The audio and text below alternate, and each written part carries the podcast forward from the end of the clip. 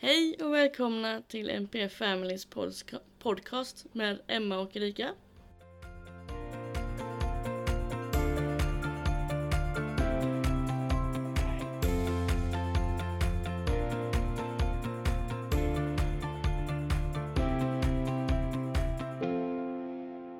Det här avsnittet ska vi fokusera på tre grejer.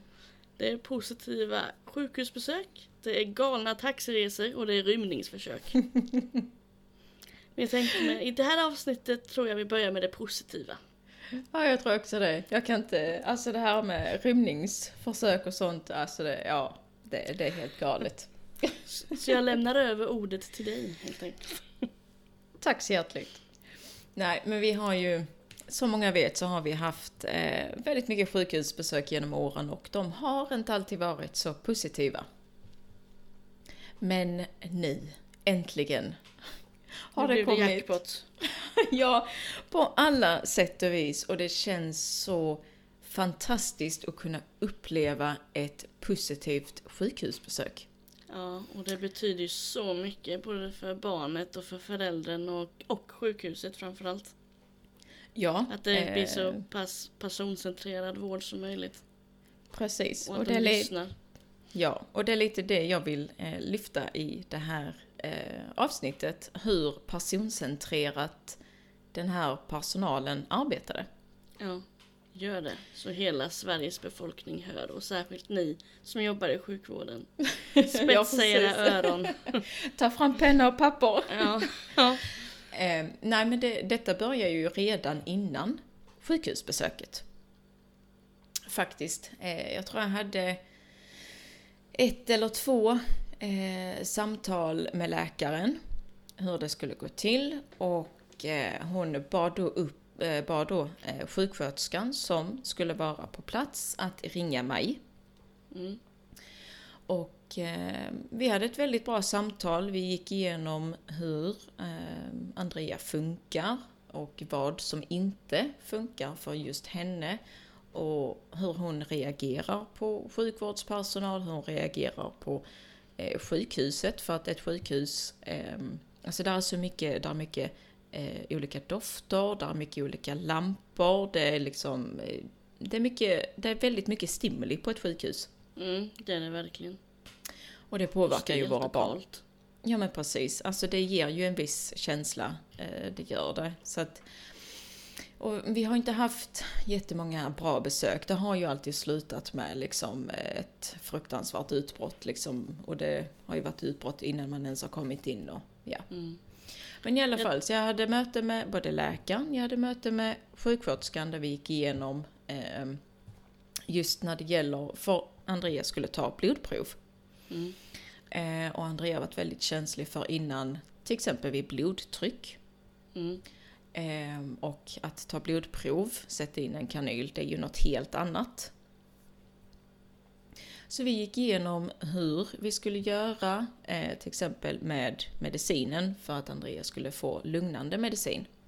Mm. Eh, hur det skulle gå till och vad hon rekommenderade för att ta väck smaken på medicinen. Eh, så att jag då tog med det till eh, sjukhuset. Jag gjorde faktiskt så att Andrea själv fick välja vilken Festis hon eh, ville ha med sig. Ehm, och när vi kom dit så blev vi mottagna av den sjuksköterskan vi skulle ha under liksom hela förloppet. Vi hade två stycken. Ehm, Så att den ena kom, vi kom precis innanför dörrarna, hon kommer med hela energin, hela hennes energi, det var så roligt det är att se dig Andrea. Det är liksom, ja men det var så varmt och hon gjorde det så positivt så fort vi kom innanför dörrarna. Det är så underbart när det är så, man blir liksom glad i hela själen när en själv har varit med om samma saker. Ah, ja, Med och sitt egna barn. Vad anpassningar det gör bra. Men precis, och jag blev ju lika glad där liksom. Oh, hej hej, det är så här. Och då märkte jag ju på Andrea, då blev hon ju mer avslappnad när jag blev avslappnad. För hon märkte att eh, personalen var avslappnad. Ja, det gör så mycket. Och eh, pratade lite med mig och pratade lite med henne och liksom just det här första, första sekunden är så avgörande för hur resten kommer att gå. Ja, men så är det ju. Ja, Det är ju alltid första mötet och första intrycket av en person som oftast sitter i och som oftast eh, stämmer överens. Pre- precis. Och eftersom Andrea har svårt att läsa av ansiktsuttryck hon visade verkligen med hela ansiktet. Hon log så stort hon kunde, anpassade rösten i väldigt så här eh, ljust läge för att verkligen berätta för Andrea att jag är jätteglad att du är här. Mm. Eh, Så vi gick in i rummet och berättade för Andrea eh, sakta och lugnt vad vi skulle göra. Hon skulle mätas och vägas och hela tiden gav beröm. Mm. Alltså, det är så viktigt. Alltså, man, ja, det är toppen. Liksom Alla för- borde vara så. Ja men precis, alltså för att det gjorde ju att vad hon än gjorde så fick hon liksom, hon fick beröm och det var hela tiden att jag ser dig Andrea, jag ser, och jag tyckte det var så rart för att de, de, de tillkallar, alltså de kallar mig mamma. Ja, men det är gulligt. Det har han gjort för mig också. Ska mamma sitta där? Vad Ja. tycker mamma? Hur ska vi göra nu mamma? Vad är bäst mamma? Ja, jag blev sån mamma, så tänkte jag, men återigen, Andrea kopplar mig med namnet mamma. Hon Mm. vet om att jag heter Erika, men ändå så är det mamma. Och jag tror, du och jag diskuterat det innan, eller om det var någon annan jag diskuterade med, att det hade kunnat bli väldigt fel om de tilltalar mig med mitt namn, Mm. Erika. Mm. Det blir mer stelt då. Ja, Det känns det mer som eh, hon berörde alla i rummet. Ja, det blir inte... Ja, precis. Nej, Familjärt. Så att, eh, ja, men det var, det var så rart och det var så mysigt och bara, oh, ja men ska vi göra detta mamma? Och jag bara, jajamän! ja, oh, mamma här, här kommer mamma. Eh, Tänker på den där låten på TikTok. ja, Det här är Ja. mamma. ja, precis. Bor i Nacka. 40 plus. Känner mig tuff. Den, den låten fick jag i huvudet här nu. Ja, Jesus, ja. Nej, så att... ehm, och det var liksom hela tiden, de berättade innan de gjorde någonting, så berättade de för Andrea, till Andrea, inte till mig, till Andrea vad de skulle göra. Och det är så viktigt att de berättar vad som ska hända innan de faktiskt gör det. Mm. Precis. Fick ni såna här bilder hemskickat också? Eh, nej, det har vi inte fått. Det funkade ju ändå. Det fun- ja, precis. Men jag har ju använt de bilderna som jag har från Imprint. Ja precis. Det, är, Så att ja. det, det, men det funkar absolut. minst lika bra.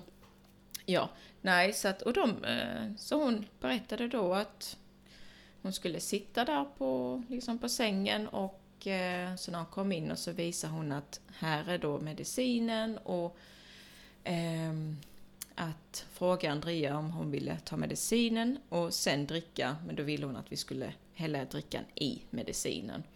Så att Andrea kände sig delaktig i detta också, att hon kände att hon hade kontrollen, hon fick bestämma hur vi skulle göra. Ja det gör ju mycket. Ofta så pratar man ju över huvudet på barnen och eh, bara gör.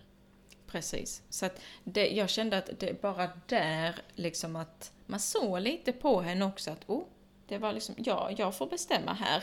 Eh, så då hällde hon hällde i drickan och personalen gav henne koppen, visade hur hon skulle göra och så. Och hon tog medicinen. Alltså det, min dotter har aldrig någonsin tagit eget initiativ att ta emot eller att dricka medicin. Aldrig någonsin i hennes liv. Det är alltså, jag, jag blev så tårögd, jättetårögd för jag kände Jag kan bara säga att, att det blev jag också när du ringde och berättade det. Ja, Så jag sa det till eh, Viktor också, han blev också glad. Men det är så fint, det är så fina framsteg när, när barnet gör så och man blir så bra bemött av sjukvården. Det, är, det gör Ja, allt. ja men det, Man det kämpar var, med anpassningar Precis. och allt. ja, men det, var, det var så fint och hon var så stolt. Och återigen, personalen var så duktiga på att berömma. Och jag liksom berömde, du vet det var, så positivt, alltihop blev så positivt. Och visst, sen hade, hade någon tittat ovanifrån så hade de ju sett två vuxna som i princip bara yay, heja, heja, jättebra, wow! Så här.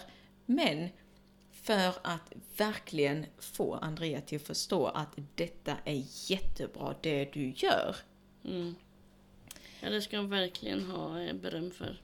Och ha Ja. för. Alltså det, ja, det är, jag, jag kommer aldrig glömma det här sjukhusbesöket. För det gick så himla bra.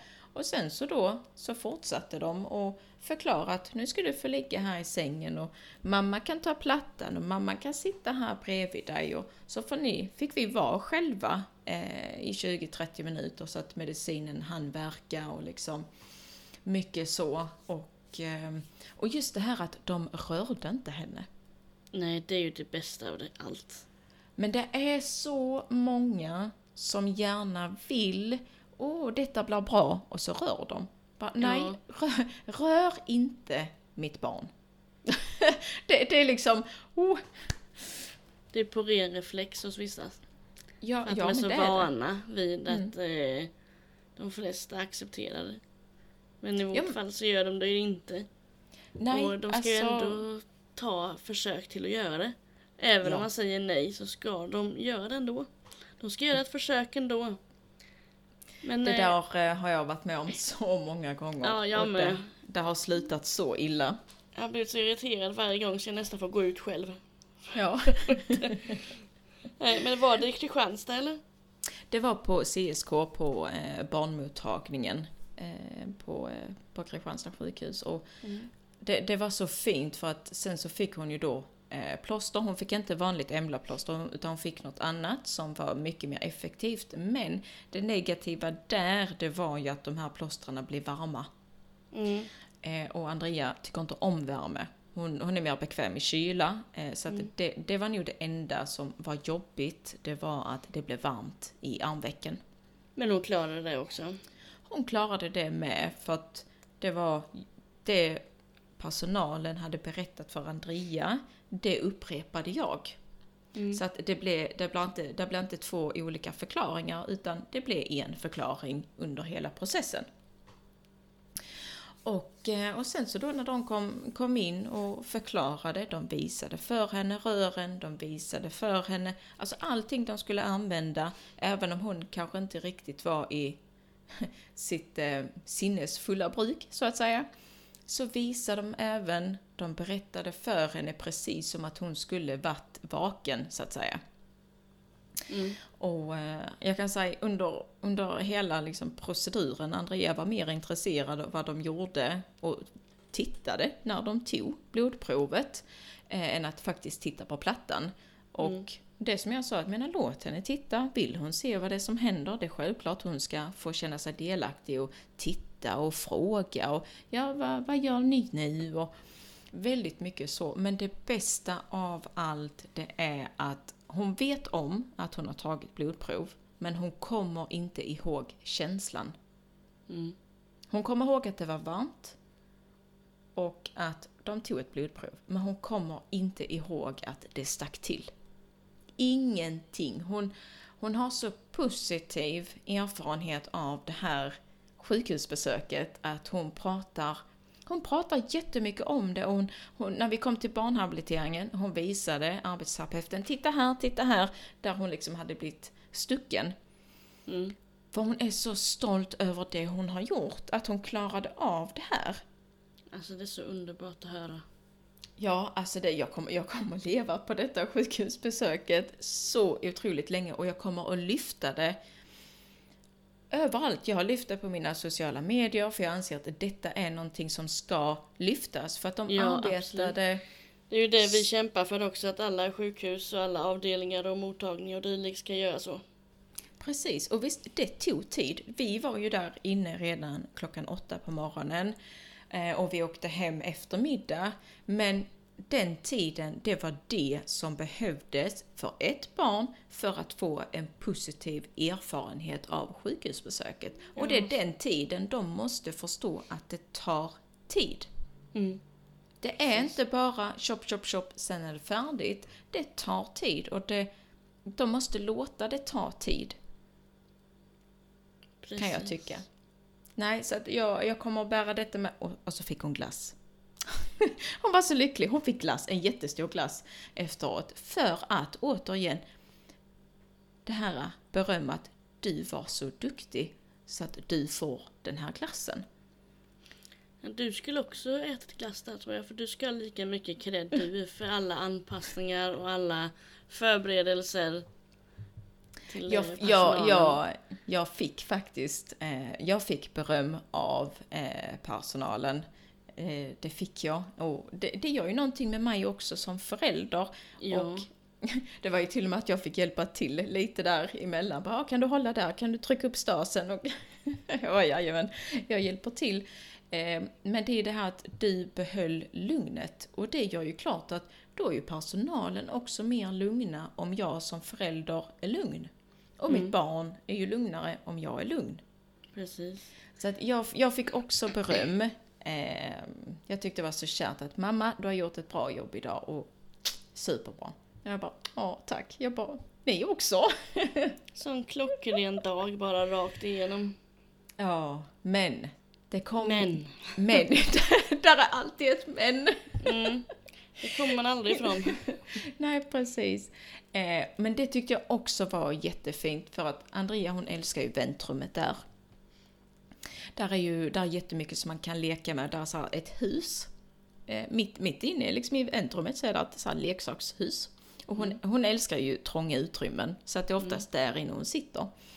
Eh, och hon, hon var ju där att åh jag vill leka, jag vill leka, jag ska leka där. Och så försökte jag förklara för henne att ja men det är där man sitter och väntar innan man ska till doktorn och då, då var det ju liksom andra barn så att det hade inte funkat att hon skulle leka där. Så hon, hon fick ju ett utbrott utanför mottagningen eh, och satt och skrek och blev jättearg på mig och jag var jättedum och ja, hela radängen. Men då Det kommer, kan man ju ta. men då kommer samma personal som hade tagit hand om henne under de här timmarna. Så kommer hon, sätter sig en liten bit ifrån och börjar prata med henne och fråga vad är det som händer. Ja, då berättar Andrea att hon ville leka och hon får inte leka och mamma är dum. Det var det, mamma är dum. Eh, så sa personalen att ja, men jag tror inte mamma är dum. Jag vet att mamma är snäll. Det har ju gått så bra. Men vad är det du vill? Jag vill leka! Eh, och då visade de att eh, hon bara kom här Andrea ska jag visa dig något hemligt, kom. Och då blev det helt plötsligt något positivt igen. Mm. Och då fick vi gå ut på en takterrass, takis tror jag de kallar det. Och där har de alltså inhägnat en lekplats. Och du vet så fort Andreas såg denna, jag kan säga hon glömde allt som hade hänt för typ tre sekunder sedan. Och bara tjum, sprang rakt ut och började leka. Och jag bara tack så jättemycket för det räddade hela vår resa hem kan jag säga. Ja, det är ju underbart när de kommer och räddar situationen på det sättet. Och, eh, nej, de ska verkligen ha cred för det. Alla ska ha cred för det. Både Andrea, du och personalen. Det är Ja, alltså helt det- underbart att lyssna på.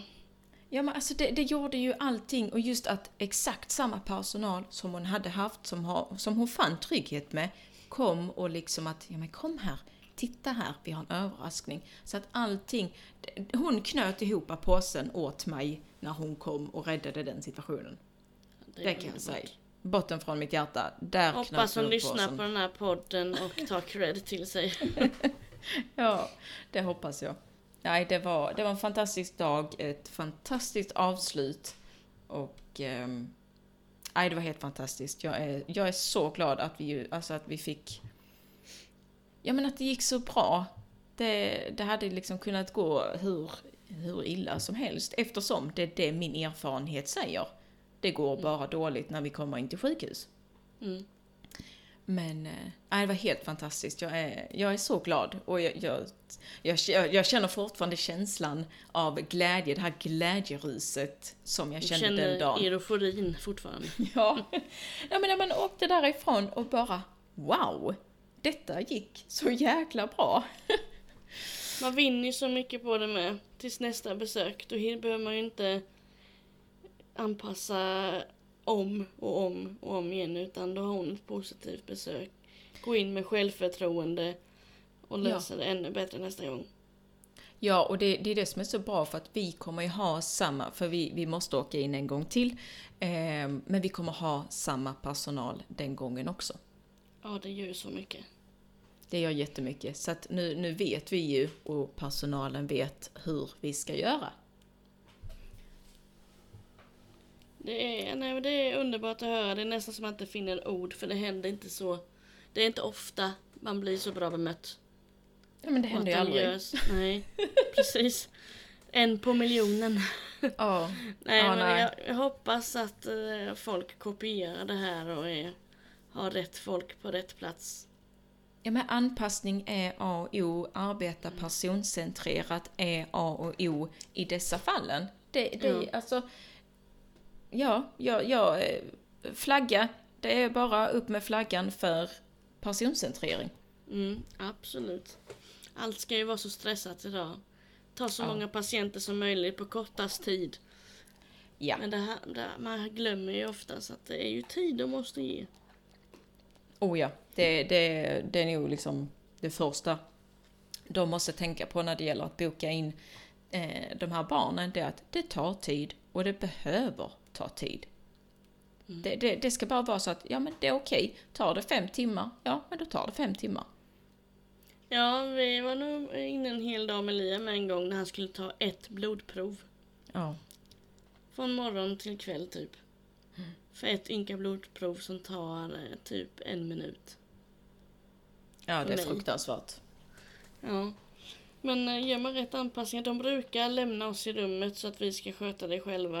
eh, när det gäller att varva ner och eh, ta ner han på jorden. Göra han glad. Då Mm. brukar de stänga dörren så fixar vi det så de inte blandar sig i. Nej, för det kan, ju vara en, det kan ju vara en trigger det också. Ja precis, en annan kommer lägger sig där och tjötar och bökar och kommer med 41 eh, olika alternativ. Vilket Mm. oftast gör det ännu svårare. Ja men såklart. Mm. Precis så. Ja det är bra. Det är nästan så jag inte har några ord kvar här för det... Nej. Nej. Det var, det var liksom så skönt att höra, skönt att lyssna på. Ja, det är... Det är, det är alltså, ja. Det, jag, jag vet inte riktigt hur jag ska, Jag kan inte formulera mig efter detta för att... Ja men det känns... Jag är bara så tacksam att vi fick den här erfarenheten och att jag kan dela med mig utav den. Mm, verkligen. Nu känns det så himla fel att ta upp de andra grejerna. Nej, det gör det inte. Eh, för vi ska ju prata lite om... Ska vi börja med rymningsförsöken? Ja, Och det är det helt... kan vi göra. Ja. Så varsågod. redan här. Nej men vi har staket sedan två år tillbaka kanske. Försökte med kommunen där men det var ju för vanligt föräldraansvar det också. Ja, såklart ja. Eh, och Liam brukar stanna när han får en begränsning. Det är likadant med arbetsstolen som vi har vid maten. Han Mm. sitter kvar. För han vet att han ska sitta där för det är en begränsning. Han sitter fast. Han, det är bekvämt. Mm. Och det var samma med staket. Han har aldrig klättrat på något. Han har aldrig klättrat på en stol. Han har aldrig klättrat i någon trappa. Han har aldrig klättrat upp för något. Men eh, sen kom ju Malte till världen då. Och de verkar vara på samma nivå just nu. Och han är Ja. väldigt smart den här lilla killen. Så när han försöker att ha, han rymmer genom att krypa under staketen istället. Jaha, se där ja. Mm. Ja. Eh, och han har ju typ visat Liam hur man ska göra när man ska klättra. Ja, nej. Så vi, som tur var, var ute allihop. Jag och Viktor eh, stod ute och diskuterade framtidsplaner på våran eh, trädgård. Som vanligt.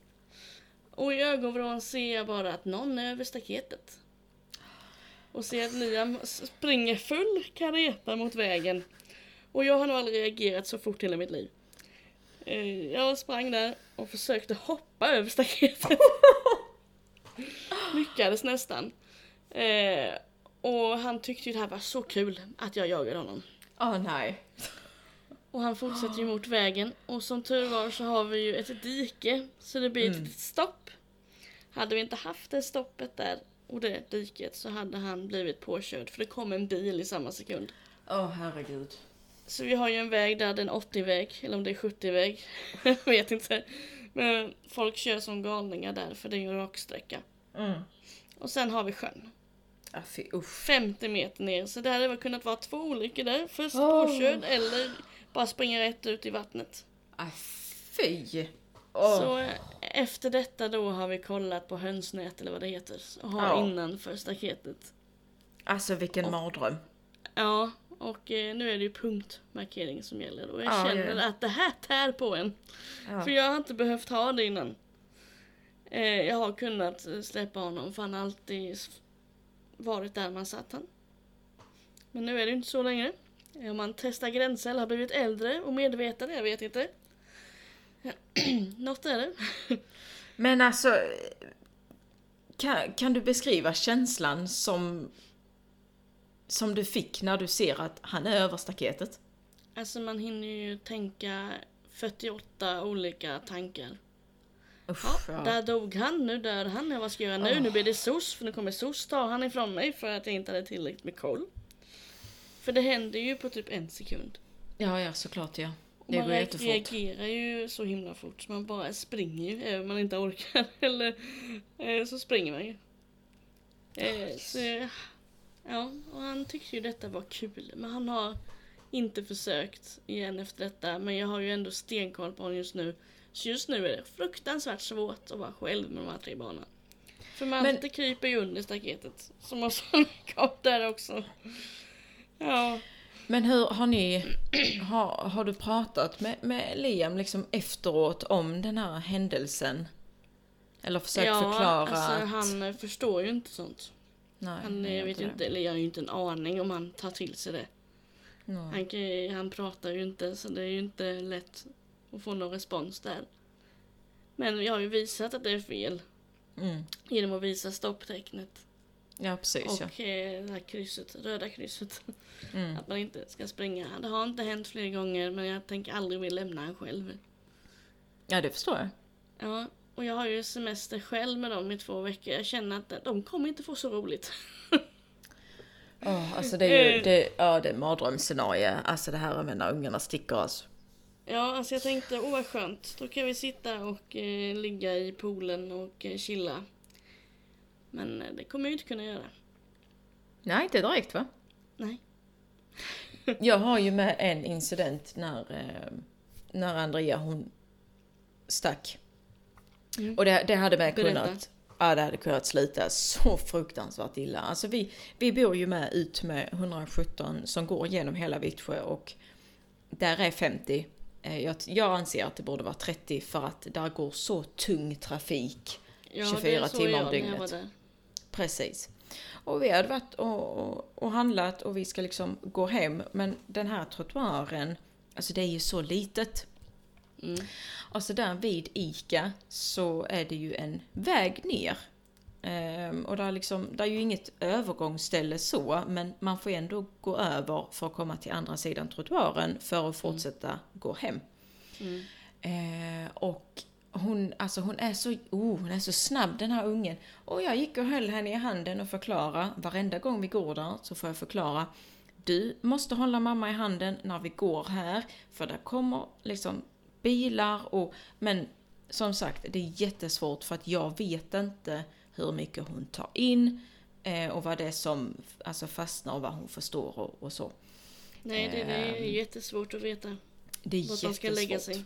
Precis. Men min erfarenhet säger att det går, alltså det fastnar inte. Men den här gången, och jag gick ändå och höll henne i handen och vi ska gå över den här vägen för att komma till andra trottoaren. Och innan vi hinner gå över, då sliter hon sig från min hand, springer rakt ut på vägen. Tre meter ifrån mig ser jag en stor jäkla SUV som kommer. Och du vet, i- eftersom det är en backe ner, så när de kör upp, de ser inte henne eftersom hon är så liten. Så jag liksom får i ren panik sträcka upp armarna för att de ska stanna, försöka få tag på Andrea med vänsterhanden. Gubben i bilen är, alltså han får ju panik för han förstår ju att det är ett barn på vägen eftersom jag står och försöker stoppa bilen. Mm. Och du vet den här rädslan, paniken, alla de här känslorna som bara är överallt och ingenstans i kroppen. Det är fruktansvärt. Ja, alltså det, det känns ju tyvärr som ett misslyckande från en själv. Ja men det gör det. Alltså Ja. det, det, det gör det och ändå så går man och håller henne alltså i handen för att hon inte ska sticka. Men det tog, alltså det var inte, det var nog 0,01 sekund och bara tjum, sen var hon väck. Ja, det går fort för dem alltså. Ja, det, det går så fruktansvärt. Alltså det hade kunnat sluta så illa man, och jag får så ont i magen varenda gång vi ska gå på det här stället. För att hon, hon springer ju. Hon springer rakt ut. Håller inte jag henne och så är hon sån, jag ska inte hålla dig i handen. Bara, nej, okej. Eh, så då får man gå sådär med armen lite snett bak för att skulle det vara något så får jag ta tag i hennes tröja. Man blir ju väldigt lösningsfokuserad som förälder nu för tiden alltså. På alla metoder Ja. man tar till. Och, Ja, ja men alltså, åh, ja, nej, så jag förstår, det är tusen känslor på en och samma gång och ändå så hinner man fan ta mig tänka alla värsta tankar, värsta scenarier någonsin skådat. mm. ja, det är sjukt är det. Ja, Många händelser som händer. Det är därför vi har hjälpmedelsvagn så det, så det inte ska kunna hända. Och sen har vi ju egentligen reflexväst också. mm, Till, men vi använder ju inte den när man är hemma men nu ska man nog börja göra det ändå alltså. ja, Mm, Vi har ju ändå grannar lite här och där. Så om någon springer iväg så hade det ju varit jättebra med telefonnummer och, och varför han springer. ja men precis ja. Så det ska jag nog faktiskt börja använda när vi är ute. Och skaffa sådana typ sele som man kan, eh, som är handtag på. Så Ja. man kan få tag i den. Inte för att jag tror att han skulle acceptera att ha den på sig jämt. Men man kan ju alltid försöka. Ja, alltså i alla fall, alltså, ja, nej, för, men, vad gör man inte? Vad gör man inte för att eh, man, alltså, vi, vi, vi får ju hela tiden ansvara för deras säkerhet eftersom den förmågan inte finns. Mm. Så att det är ju ett extremt ansvar vi bär alla, alltså alla timmar på dygnet för deras Mm. säkerhet. Så är det ju. Och det, det jag blir mest eh, besviken och irriterad på det är att det är, inte, det är inte någon som tar det på allvar. Nej. När man berättar det för till exempel skola, eh, sjukvård eller ja, vilken omgivning man nu än är i, att hon är rymningsbenägen, hon sticker. Första, liksom bästa, hon sticker. Men det är ingen som tror på det. Ja, varför skulle Nej. hon göra det? Ja, ja vad, vad vet jag? Jag vet inte varför hon gör det. Jag har ingen tankeläsare. Nej men precis, jag vet inte varför hon fick för sig den gången att bara springa. Jag vet inte varför hon får för sig att sticka överallt. Jag vet inte. Det enda jag vet är att jag måste alltid vara Alltså verkligen på högsta möjliga koncentration när vi är ute. Hur är det för Leila då? Får hon ta extra ansvar över Andrea eller handlar hon i kläm eller hur blir det för henne då? Någonstans så tar hon mer ansvar. Eh, Jag har ju försökt eh, bromsa henne där att du behöver inte ta det ansvaret. Mamma, liksom, mamma bär det ansvaret och det är mammas ansvar, det är inte ditt. Men någonstans så gör hon det ändå. Ja, men det är säkert eh, För hon har ju, ja, men hon har ju sett de här incidenterna.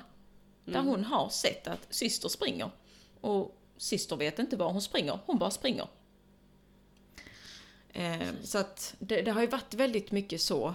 Eh, och det, det, är ju, det är ju inte jätteroligt för, för stora syster att behöva eh, bära det ansvaret som hon egentligen inte ska. Och jag vill inte att hon ska bära det ansvaret. Men jag tror det är lite det här stora syskon, lilla syskon. Det, det är ju liksom... Jag tror de bär ändå ett ansvar som de inte är medvetna om. Ja, men så är det nog för eh, Vilma är ju likadan. Det känns som att jag har mycket ansvar på hennes axlar ibland. Att hon Mm. ska, kan du kolla efter Malte medan jag är med Liam. Men inte, det är ju inte hennes ansvar att se till att Malte inte försvinner. För att jag ska hålla koll på Liam för att han ska göra det och det och det och det ute. Eh, Men så hur, Det är ehm, tudelat. Hur reagerade Vilma på det här med nu när Liam han stack? Ja, jag kommer faktiskt inte ihåg om jag ska vara ärlig. Det, det gick så fort så han inte reflekterade överhuvudtaget hur hon eh, eh, tog det. Men hon har ju förstått att eh, det är mycket mer ansvar på honom just nu. Mm. Och hur tar Eh. hon det tror du? Hon är ju väldigt uppmärksamhetssökande. Mm. Eh, och drar gärna åt andra hållet då istället. Men och säger att eh, att Liam alltid får som han vill. Inte för att han får alltid som han vill, men han har just nu sin dagliga lilla promenad i trädgården som han ju alltid gör. Mm. Eh, som jag måste följa hela tiden nu då. eh, och då söker ju Vilma ligga steget före och eh, vara först. Okej. Mm. Vilket inte är populärt hos den andra killen. Nej, det har jag också märkt att hos Andrea, hon ska vara först. Hon Mm. ska hela tiden. Mamma, kan inte mamma gå först? Nej, hon ska gå först. Det, det är Mm. jätteviktigt, det är superviktigt. Ja, jag kan inte gå först för Liam heller för det är han som ska visa vägen. Ja, lite så är det här också. Ja, nej det är inte lätt. Även om vi har världens största trädgård till honom just nu så är det tydligen roligare att rymma. Gräset Ja. är inte grönare på andra sidan liksom. Nej, nej, alltså som sagt. Det, där är nog många föräldrar som känner igen sig och när jag har pratat med andra föräldrar, alltså de, då har de fått igenom det här med staket. Alltså du vet, de har ju liksom två meters staket Ja, för det är nästan barn. så jag börjar fundera på det med då. Men eh, ser man ut då eller, eller känns det som ett fängelse? Ja, jo, men eller hur. Men sen återigen, vad gör man inte för barnens säkerhet? Nej, precis. Det är ju så. Försvinner Det- våran sjöutsikt om vi skulle göra det. Åh. Blir, blir huset nedvärderat till en miljon mindre? Ja, Nej, men- mm. Nej. Eh, nej, men det är ju som det är. Och det har ju inte hänt fler gånger, men det är ju för att man har stenkoll. ja. Och jag hoppas det förblir så. Usch ja. Ja, nej men det, vi, vi som föräldrar, vi kan inte göra mer än vad vi redan gör. Nej, Faktiskt. precis. Det, det går inte. Nej.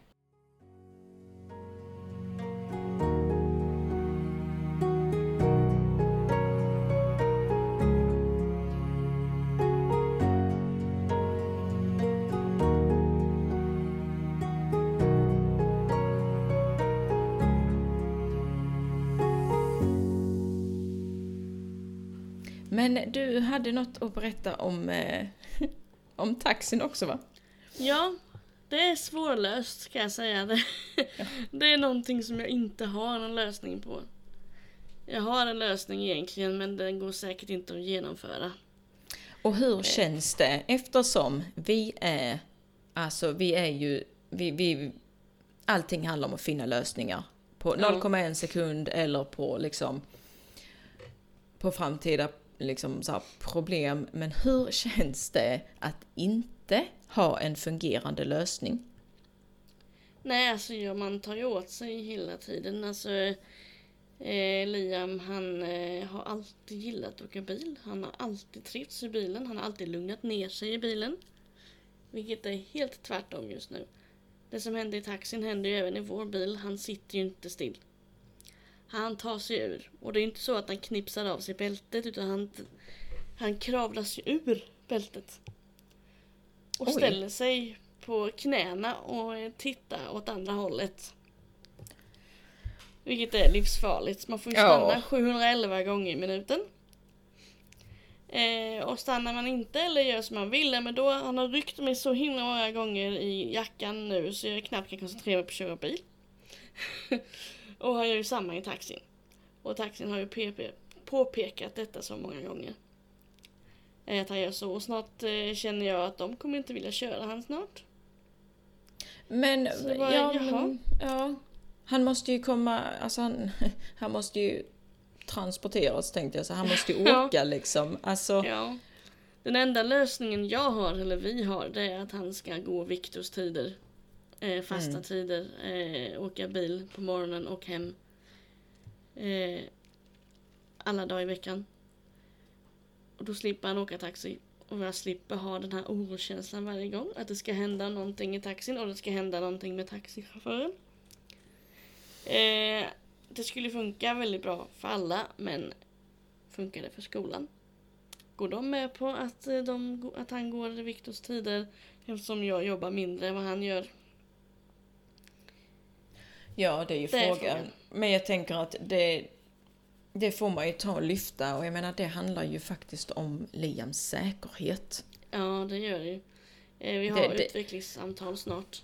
Jag menar, ni, Eh. ni, du kommer inte med den lösningen för att eh, den är bekväm. Det är ju en lösning för att förhindra att saker händer, Mm, tänker jag. precis. Så, så tycker man ju. Som Ja, förälder. att det borde lösas på det sättet. Eh, och sen kanske man kan säga varför kör du inte själv? Jag har fler barn som åker buss fast åt andra hållet. Mm. Samma tid. Så och hon, eh, jag hade säkert kunnat skjutsa båda då. Nej det hade jag inte alls kunnat för det hade ju varit eh, Eftersom det är bara fem minuter dit och Liam är 20 minuter åt andra hållet. Eh, och Vilma älskar att åka buss. Och det kan ju inte jag frånta henne bara för att eh, Liam inte kan åka taxi. Nej, såklart inte. Eh, så, det, så det går inte att dela på sig. Och jag kan ju inte dela på mig. Och eh, Viktor kan ju inte vara hemma längre på morgonen för att vi ska lösa situationen till skolan. eh, och jag vet att skolan har en oro för taxin. För det sa de när jag pratade med, jag vet inte fasen vad det var för något.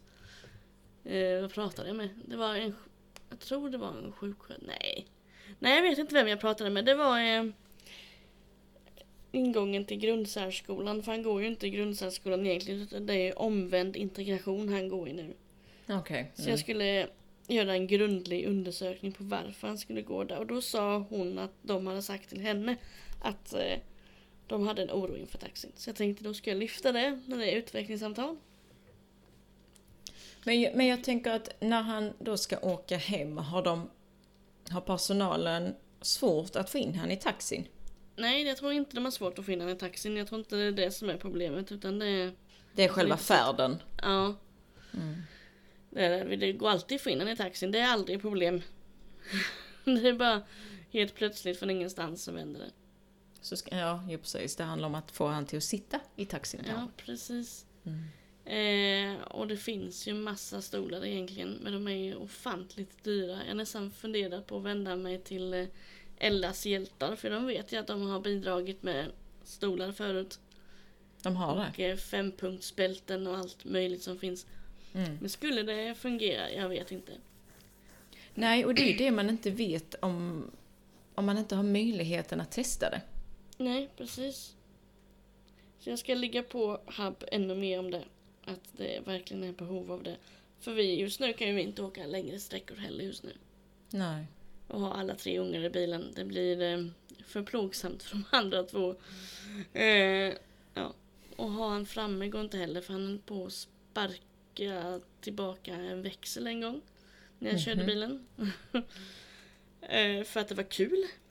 Inte för att han var arg utan för att det var kul. Ja, såklart ja. Mm. Ja. Eh, så jag vet inte vad som har hänt där riktigt. De bytte ju taxichaufför för någon månad sedan. Jag vet inte om det har med det att göra. Ja, för det vet jag när de bytade, det har varit, det har varit jättemycket kaos med Andreas taxi också och Ja. när de bytade chaufför första gången, hon strejkade. Hon Mm. åkte inte, hon, gud nej, hon var så arg och hon visade att hon var arg. Eh, så att det, det funkar ju inte alls. Så jag, jag, de, alltså barnen är ju mer känsliga än vad man tror. Ja, verkligen. Men den här eh, taxichauffören är jättebra och jättetrevlig.